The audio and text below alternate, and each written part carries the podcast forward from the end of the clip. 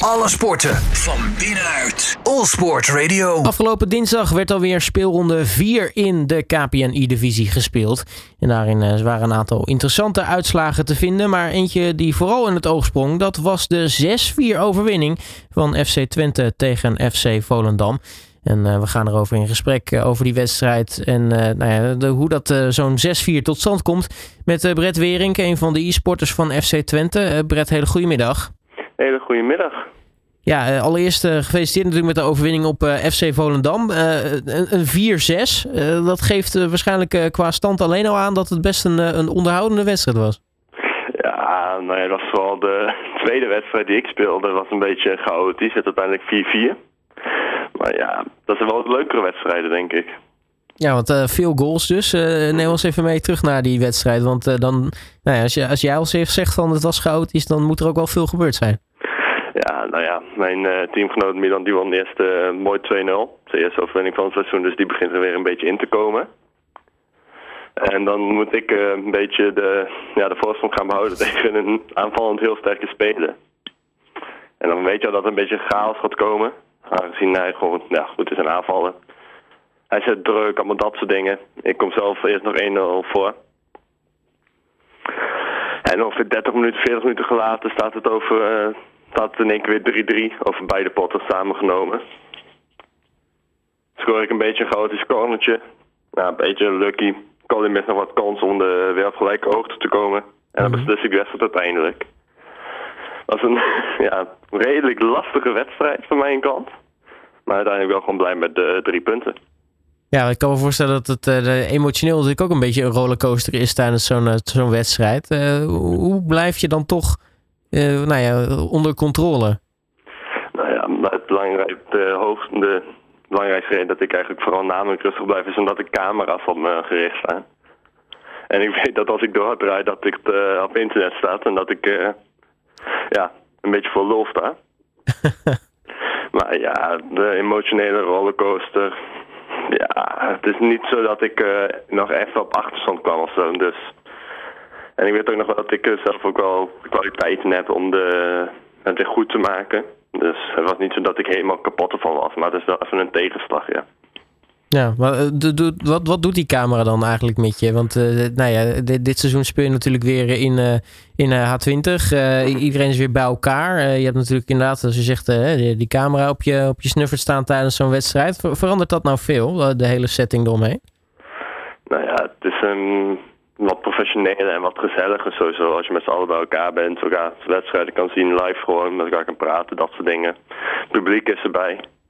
Het maakt het wat gezellig, maar het zorgt ook wel een beetje meer voor wat druk. Aangezien je weet dat de mensen naar je zitten te kijken natuurlijk. En met de camera's, ja. Het enige verschil, eigenlijk het negatieve verschil, is dat je dus een beetje wat meer druk op je hebt. En dat je misschien het gevoel krijgt dat je moet presteren. Maar ik uh, doe nu al een tijdje de e-sports, dus dat is wel wat minder geworden over de jaren. Dus uiteindelijk, ja, uiteindelijk is het gewoon belangrijk dat je daar ook mee om moet gaan en dat je niet bezwijkt onder die druk.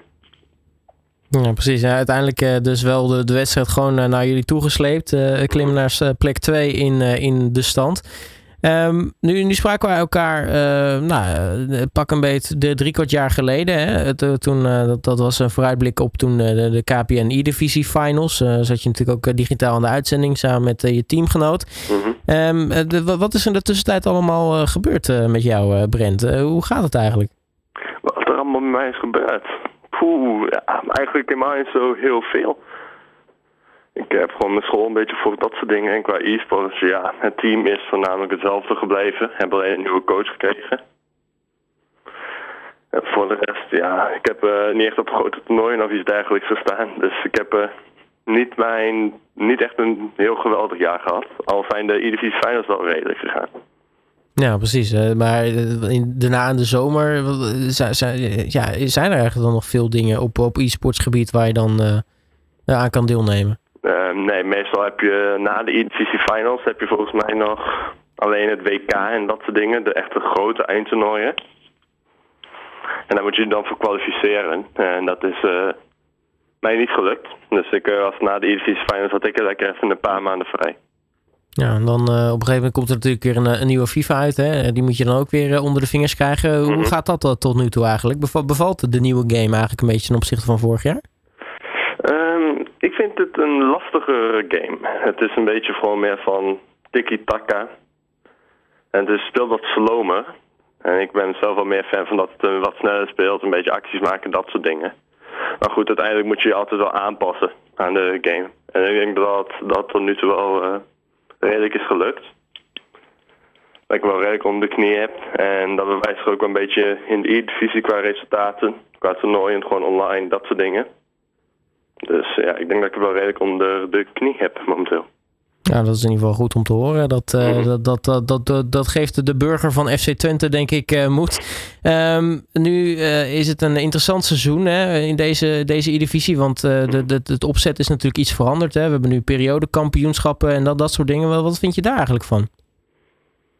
Ehm, ja, ik vind het wel een betere opzet eigenlijk. Het is nu gewoon van dat als je eventjes lekker erin zit, dat je direct kan kwalificeren voor de finals. En ik ben zelf niet zo'n eh, iemand die geweldig is in die play-offs, dat als je wint je je kwalificeert voor de finals. Dat is al meerdere keren fout gegaan bij mij. Dus ik ben wel blij mee dat er eh, meerdere mensen direct kunnen kwalificeren voor de E-Divisie Finals. Dus ja, ik eh, vind het wel een goede opzet. Ja, want dat is natuurlijk ook lekker. Want als je bijvoorbeeld eh, aan het begin van het seizoen, eh, die kans zit er natuurlijk nog steeds in, dat je periodekampioen wordt, eh, Mhm. dan, dan zit er natuurlijk voor de rest van het seizoen misschien wat, wat minder druk op.